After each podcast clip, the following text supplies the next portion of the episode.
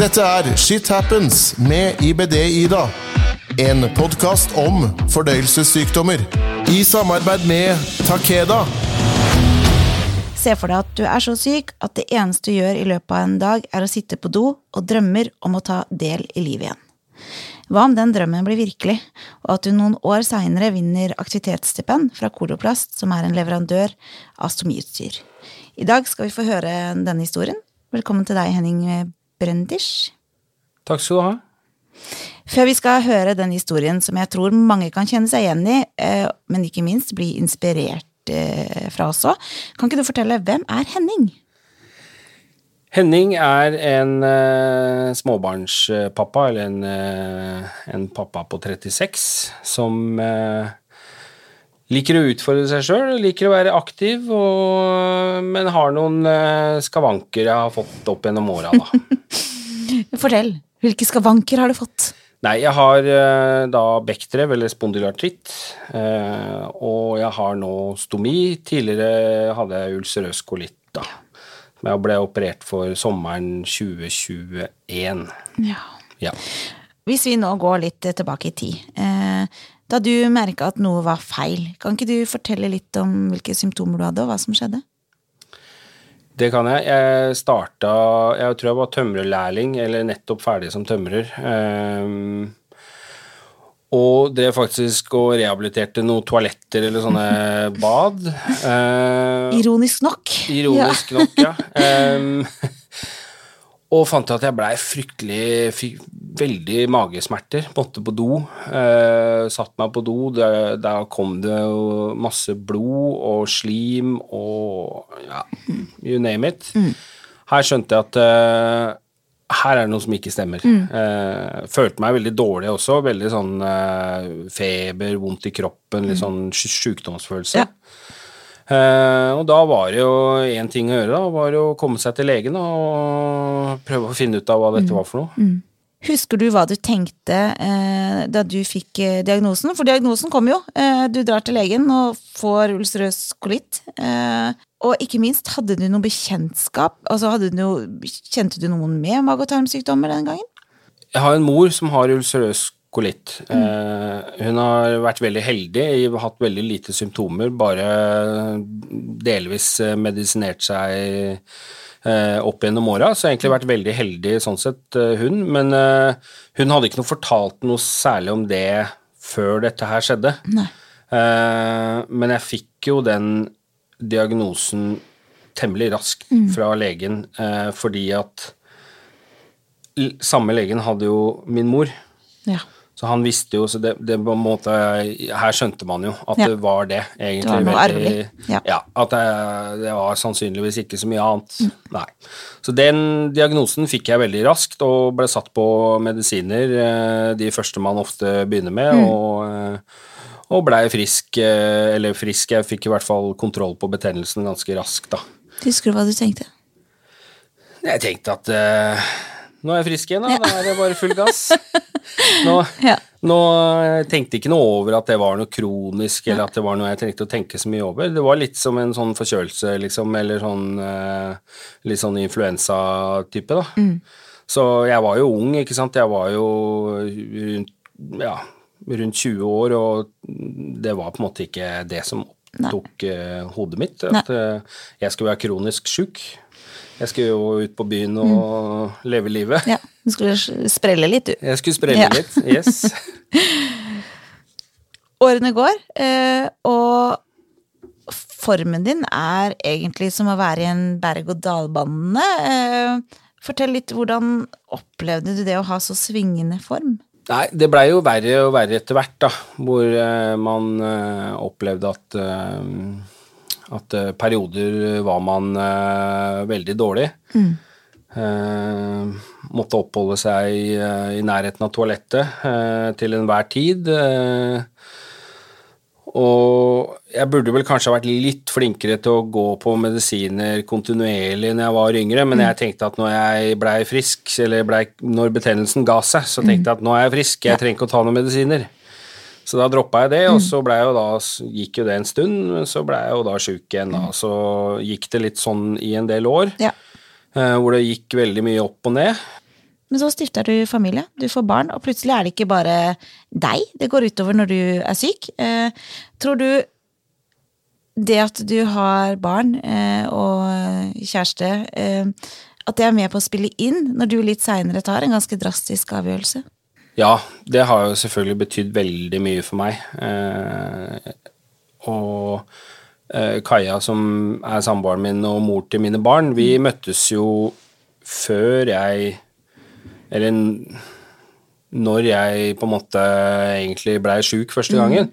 Så hun har vært med hele veien og på en måte sett meg på mitt laveste, men også sett når jeg har vært bra igjen. da, på en Ja. måte. Og hun har jo vært en ekstremt eh, god støttespiller i, i alle disse årene, da.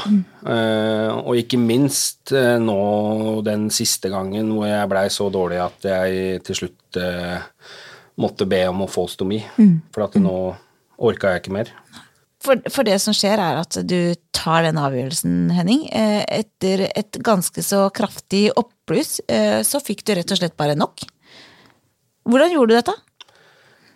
Uh, nei, det var jo Dette var jo også litt sånn midt i koronaperioden, faktisk. Eh, jeg fikk et uh, kraftig oppbluss som viste seg at det ville ikke gi seg. Jeg måtte prøve å bytte medisiner underveis. Det eh, viste seg det hjalp ikke det heller. Eh, og til slutt så hadde jeg gått i ja, tre-fire måneder hvor jeg nesten ikke fikk sove om natta. Jeg gikk på do hele døgnet. Eh, det er på en måte Ja, du blir helt sånn både fysisk og mentalt nedbrutt. Eh, du føler i forhold til familien, så er du mer blitt til en belastning istedenfor en ressurs, da, som du har vært, ikke sant. Eh, Du ja, du må på en måte holde igjen eh, for å la barna dine få gå og pusse tenner på morgenen når de skal på skolen. Mm. Så mye sitter du på do, liksom. Og enkelte ganger kommer det ingenting, andre ganger så kommer det slim og blod, det er magesmerter, man er helt utslitt. Så det er, man er, bare, er helt nede i kjelleren, rett og slett, og mister all eh, All eh, livsgnist, rett og slett, altså. Så det er eh, Ja. Hvordan ble du tatt imot når du kom og sa at 'jeg vil ha stomi'? Eh, jeg ble tatt imot på en veldig god måte, føler jeg sjøl. Eh, for da var jeg på en måte så lei og så dårlig. Jeg tror, tror sykehuset så også at jeg var en ung person med en del eh, hva, skal- man si potensiale. Eh, og, og at jeg var tydelig i måten jeg la det fram på. Ja. Eh, Dette var gjennomtenkt. ja, det, jeg hadde tenkt på det en god stund. Eh, det var ikke noe legen hadde lagt fram. Eh, men eh, jeg hadde gjort en del research og sjekka litt, eh, og eh, ja, fant en kar på, på Instagram som eh, viste at det var mulig å leve med stomi og, og være aktiv og leve normalt. Og da var jeg så langt nede at jeg tenkte at uh, her kan jeg ikke være lenger. Her må jeg uh, opp og fram hvis, jeg skal, hvis det skal skje noe. Så da måtte jeg ta litt tak sjøl, og da Da fikk jeg da Eller jeg blei lagt inn den samme dagen som jeg kom og foreslo stomi. Ja. Eller bare dagen etterpå. Jeg tror Nei, jeg ble lagt inn samme dagen. Jeg ble sendt på sånn koloskopi. ja. Da fikk de, fant de ut at eh, tarmen er jo helt uh, vraka. Um, og så uh, tok de noen prøver, og det gjorde at betennelsen begynte å lekke ut, i, så jeg ble enda dårligere. ja. Så jeg fikk egentlig feber og sånne ting den samme kvelden som jeg da lå på sjukehuset der. Så jeg blei enda dårligere, så da gikk det vel tre dager, tror jeg, så blei jeg operert. Og fikk eh, stomi. Hvor mye visste du om stomi eh, før operasjon? Du fortalte jo litt om at du hadde fulgt eller funnet igjen på Instagram, men eh, utover det? Utover det så visste jeg veldig lite. Hadde ikke fått noe særlig informasjon. øh, visste egentlig ikke hva det var. Jeg bare visste at det var at øh, du Ja, at tarmen stakk ut av magen, da. Det var det jeg visste. Ja. Det er ganske begrensa. Jeg visste ikke at det fantes forskjellige typer, eller at det kunne Altså, alt jeg har lært i ettertid, det er jo Ja. Så nei, jeg var ganske nybegynner. Var det noe du skulle ønske du hadde visst på forhånd? Ja, både ja og nei. eh, Det er jo fint å være litt sånn opplyst og, og vite om en del ting. Samtidig så er det ikke alt man kanskje trenger å vite om før man skal inn i en såpass mm. tøff operasjon, da. Jeg, jeg tror kanskje jeg visste akkurat passe, jeg. Ja. Visste det du trengte å vite? Visste det jeg trengte å vite. Jeg visste at det kom til å gjøre det antageligvis kom til å gjøre det bedre. Ja. Og så visste jeg at det var mulig å leve normalt, et normalt liv med stomi. Og det var det som var viktig for meg. Ja, for det må jo ha vært utrolig rart å gå fra et liv der du hadde vært eh, veldig styrt av sykdom eh, og doflying, og så plutselig fikk du tilbake kontrollen. Ja, Det var veldig deilig. Eh, samtidig så var det veldig sånn eh, uvant. Men jeg var jo veldig sånn eh, positiv og, og lagde meg en egen sånn liten mental uh, boble. Mm. Uh, jeg var veldig positiv. Her, her er jeg, skal tilbake der jeg var, og på en måte gønne på. Ja. Uh, og det er jeg jo veldig glad for at jeg gjorde, men samtidig så mm, er jo ikke alt en uh, rosa drøm, skulle jeg si. Det, det kom jo Ja. Det er jo tøft å gå gjennom en sånn operasjon. Fikk du den eh, Veldig mange eh, som, som får stomi, opplever jo en slags eh, følelse av å være nesten verdensmester. Du er eh, Endelig er du der, ikke sant. Du har venta på den stomien kjempelenge. For så, etter en stund, nærmest bli slått i bakken, tenke at kjære venn, dette er for alltid. Mm. Kjenner du deg igjen i det? Kjenner meg veldig igjen i den følelsen. Jeg var superhappy når jeg kom ut fra sykehuset, kunne bevege meg igjen, kunne begynne å på en måte være aktiv og gjøre de tingene jeg liker å gjøre. Begynne å være sammen med barna mine igjen og familien, ikke sant. Gjøre de tinga der var superbra. Eh, samtidig så kommer det sånne bølger av litt sånn nedstemthet, litt sånn du vet ikke helt hva du er, du må på en måte finne deg sjøl litt igjen. Uh, for at du har en uh, greie på deg som du er helt avhengig av. 24-7. 24-7. eh, du på en måte Du er helt avhengig av den, og du kan jo ikke gå ut uten den. Og det er, tar litt tid å bearbeide. Og det, men der har jeg funnet ut at den, eh, det der aktiviteten og den stisyklinga, det å på en måte få resatt eh, hodet litt, sånn på jevnlig basis, basis, har vært veldig viktig for meg, altså for å takle dette her, da. Så, ja. Ja, for etter mange år da hvor livet ditt hadde dreid seg om sykdom, så skulle du ta da fatt på ditt nye liv som eh, relativt frisk, kan man jo si. Eh, hva blei da så viktig for deg, eh, og er fortsatt viktig for deg? Og det der med å tømme hodet for gruft, du var jo inne på dette med fysisk aktivitet, men hvor viktig var det for deg? Nei, jeg fant ut at, eh, at det var så Det var en slags terapi, da. Og når du er ute i skogen, du sykler eh, nedover en sti eh, i 20-30-40 km i timen, så kan du ikke tenke på noe annet enn det du gjør akkurat der og da. Og det er så utrolig befriende. Eh, og det gjør at på en måte man kommer tilbake etter en stitur, eller også bare en, egentlig en treningsøkt, hvor man på en måte må fokusere på noe annet, så er liksom hjernen litt sånn resatt. Det er eh, Ja, så det ble kjempeviktig eh, for meg, og, og veien eh, videre på å da akseptere at jeg må leve med den posen hele tiden, da.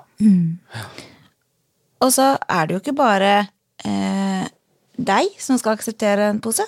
Det er jo tøft for de rundt eh, også. Eh, fortell litt, åssen var det for familien din da, at du plutselig skulle ha, stomi? Nei, de har jo takla det veldig bra, syns jeg. Mm. jeg husker sønnen min, han syntes nok det var litt rart når jeg var på sykehuset, operert og var litt usikker på hvordan mm. Hvem er uh, fattern Ja. når han kommer ut derfra? Mm. men han skjønte jo ganske raskt at jeg fortsatt var den samme.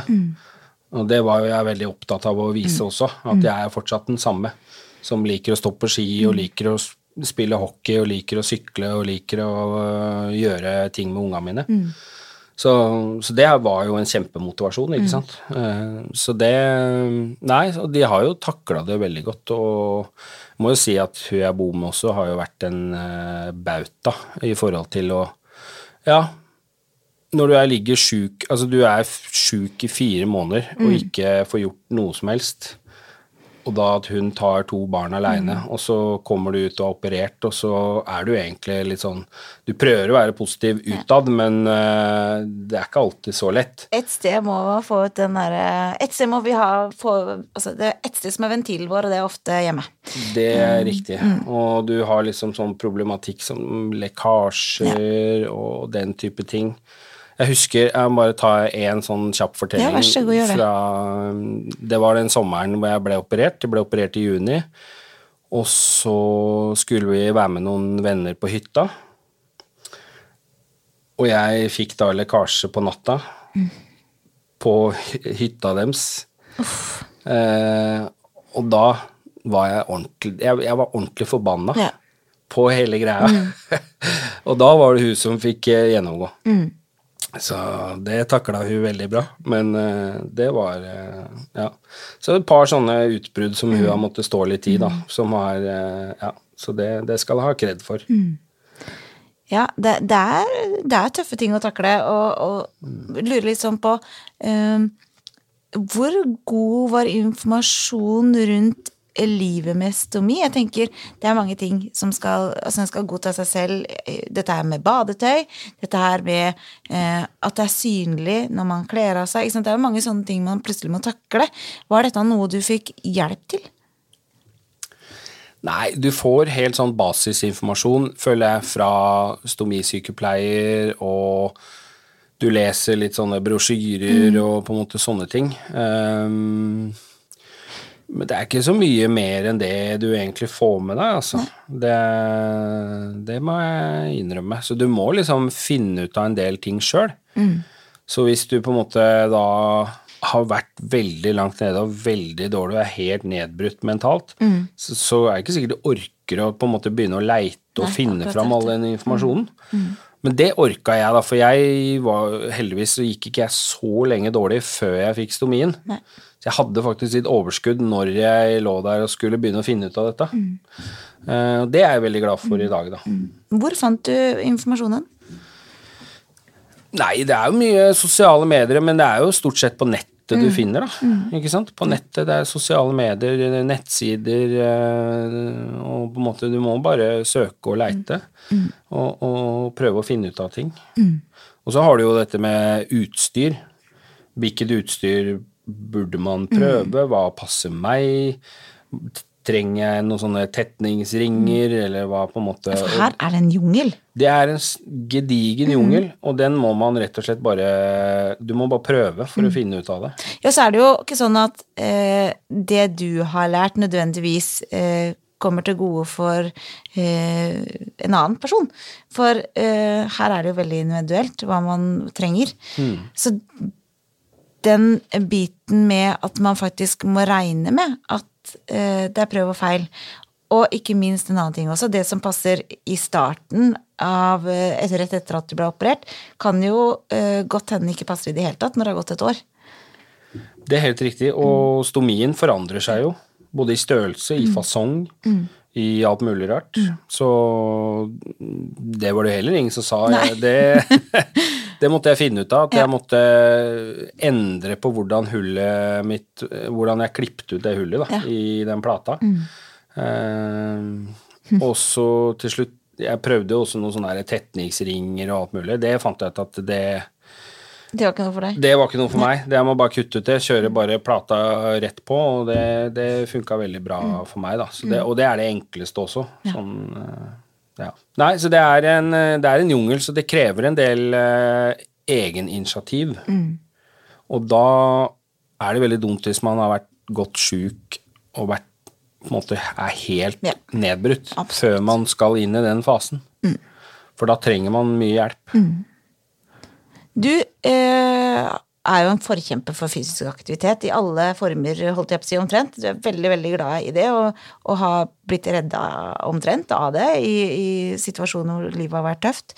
Du fikk faktisk et stipend fra Coloplast, eh, som er jo kjempekult. Eh, fortell litt, eh, hva er det, og hva skal det brukes til? Ja, altså eh, Koloplast aktivitetsstipend er jo et stipend de gir ut uh, hvert år til en uh, ikke til, Det er jo flere, tror jeg, som får det, mm. men det er jo 10 000 kroner da, som går for Eller går til uh, folk som søker, og som er aktive, mm. som har stomi eller andre sånne Altså i nærliggende mm. den måte leia. Ja. Um, og det går til at du skal på en måte fortsette å være aktiv, da. Mm. Så for min del så kommer jeg til å bruke pengene på å betale startkontingent og leie hytte for å reise på, til Trysil ja. og sykle et enduroritt på sykkel. Fortell. Hva er Hva, hva kalte du det, sa du? Induro? Undoro? Enduro. Enduro. Enduroritt. Hva, hva er dette for noe? Eh, det er et slags eh, sykkelritt hvor du har en sånn fulldempa stisykkel. Eh, hvor du sykler da forskjellige etapper nedover på et fjell, f.eks. Og så må man komme seg opp til neste etappe innafor en viss tid. Og så alle etappene blir lagt sammen til en tid. Og den med raskest tid vinner rittet, da. Ja. Og så er man ute på sykkelen en hel dag, da. Så det er en, eh, det er en mm. tøff eh, fysisk påkjenning. Så man må være i ganske god form da, for å klare å fullføre. Så, så, det er målet mitt, da. Og det var det jeg skrev til i søknaden ja. til, til Koloplast. At, at, det er det jeg ønsker å bruke penga på. Og ja, det mente de at det syns jeg burde gjøre. Ja, supert. Men er det noe som øh, stomien hindrer deg å gjøre? Jeg tenker, det sitter mange som eh, kanskje akkurat har fått stomi, eller skal få stomi, som eh, tenker at oi, nå blir det mange hindringer i livet. Hva tenker du rundt det? Eh, for min del så har det egentlig bare vært mer praktisk mm. på mange måter. Litt sånn fleip, men altså Jeg var og sykla sti med en kompis eh, her tidligere i uka. Eh, og så kjente jeg det at nå begynte posen å fylle, fylle seg mm. litt opp. Så har jeg bare med litt papir i en sånn uh, sekk, mm. eller sånn uh, bag, og så er det mye lettere å bare tømme posen ut i skauen der enn å sette seg ned og Finne et egnet sted å huke seg. Yes. Så det var egentlig veldig praktisk.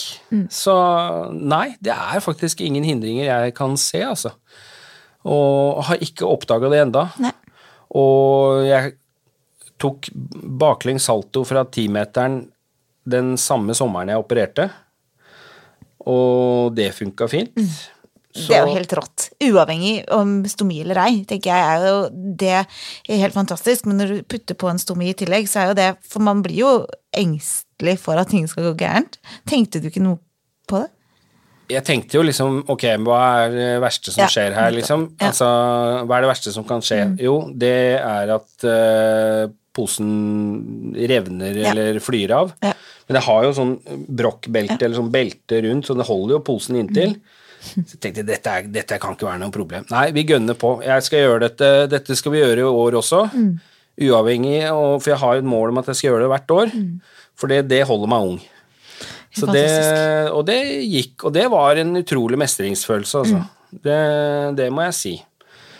Og så Ja, jeg fikk meg også jobb, ny jobb, rett etter at jeg Eller nesten rett etter at jeg kom tilbake fra Altså operasjon. etter operasjon. Ja. Mm.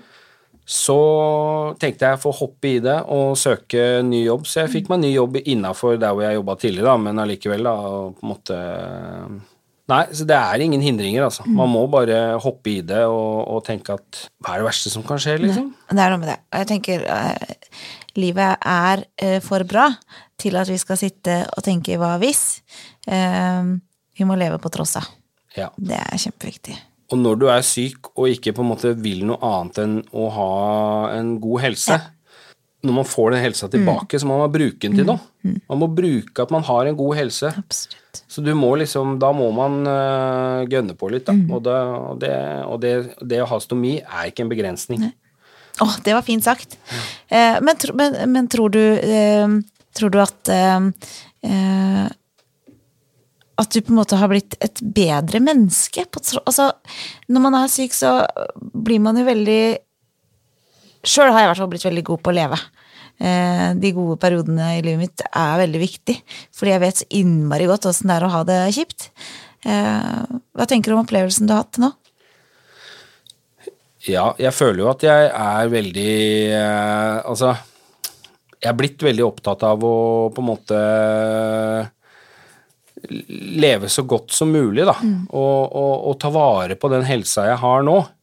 Nå som jeg føler meg såpass bra igjen, og ting er liksom er til, tilbake igjen, så er jeg blitt veldig opptatt av å på en måte prøve å ta vare litt på kroppen og, og, og få nok søvn og alle disse tingene her, sånn at man faktisk eh, får litt ut av den helsa man har fått tilbake, da. Eh, Uh, jeg har blitt noe bedre menneske. Jeg vet ikke, Hun jeg bor med, syns jeg er litt sånn ego fordi at jeg skal ut og sykle og trene hele tida Jeg kjenner meg igjen i den. Jeg kan, jeg kan slå meg sammen med Kaja der, kjenner jeg, for jeg har en mann som sykler masse og trener masse. Så jeg vet akkurat hva jeg snakker om. Men det er sikkert viktig for han òg. Det er det. Og så tenker jeg at tilbake så får jeg en blid mann. Eh, for jeg, merker, jeg kan være sånn at jeg nesten skyver den ut døra. Jeg merker veldig godt når det er på tide å få lufta huet. Så jeg tar heller det enn en mann som er, har ting oppi hodet og ikke får Ja. Det er en fin måte å få lufta seg på også. Der er vi nok veldig like. For jeg blir også ganske grinete hvis jeg ikke får trent eller sykla på en stund. Så ja, det er nok flere av oss. Om du skulle gitt et råd eller tips til noen som hører på, hva ville det vært? Eh, mitt råd er å eh, Hvis man er på sosiale medier eller på internett eller et eller annet, finner folk som har tilsvarende sykdom eller eh, eller eh, stomi eller sånne ting, ikke vær redd for å ta kontakt. Ikke vær redd for å sende en, eh, en DM på Instagram, om det er til meg eller noen andre, eller hva som helst. For at alle som har den tilstanden her, er mer enn villige til å hjelpe. Og til å svare på spørsmål. Og til å komme med tips og råd. Så det er tips. Ja. Så det er mitt tips. Eh, ta kontakt, og ikke vær redd for at eh, den personen ikke skal svare deg. For det kommer de til å gjøre, det er jeg helt sikker på. Eh, Du har jo sjukt aktivt kanalen, det er jo ikke kanaler, eller sida, eller hva skal man kalle det, på, på Instagram, mm. hvor du deler masse aktive, kule bilder.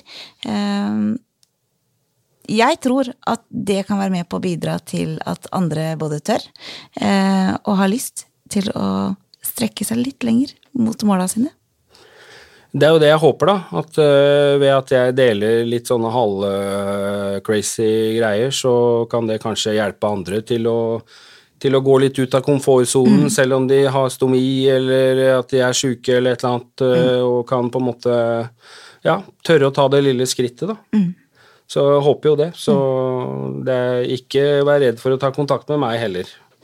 Har du som eh, lytter lyst til å bli enda mer kjent med Henning, følg med på livet hans og bli inspirert til fysisk eh, aktivitet. Eh, Følg brukeren hans på Instagram, som heter da sjukt understrek aktiv. Husk at åpenhet det gir kunnskap, og kunnskap det gir trygghet. Om du som hører på har spørsmål til dagens episode, ris eller ros, ønske om tema, tips til gjest, eller kanskje ønsker å dele din egen historie, så send en mail på ibd-ida alfakrølloutlook.com. Du finner meg på Facebook som ibd-ida, og på Instagram som shithappens understrek med understrek ibd-ida. Til vi høres igjen. Det å høre andres historier kan være med på å finne måter vi kan takle vår egen historie på. Hørte Shit Happens med IBD-Ida. En podkast om fordøyelsessykdommer.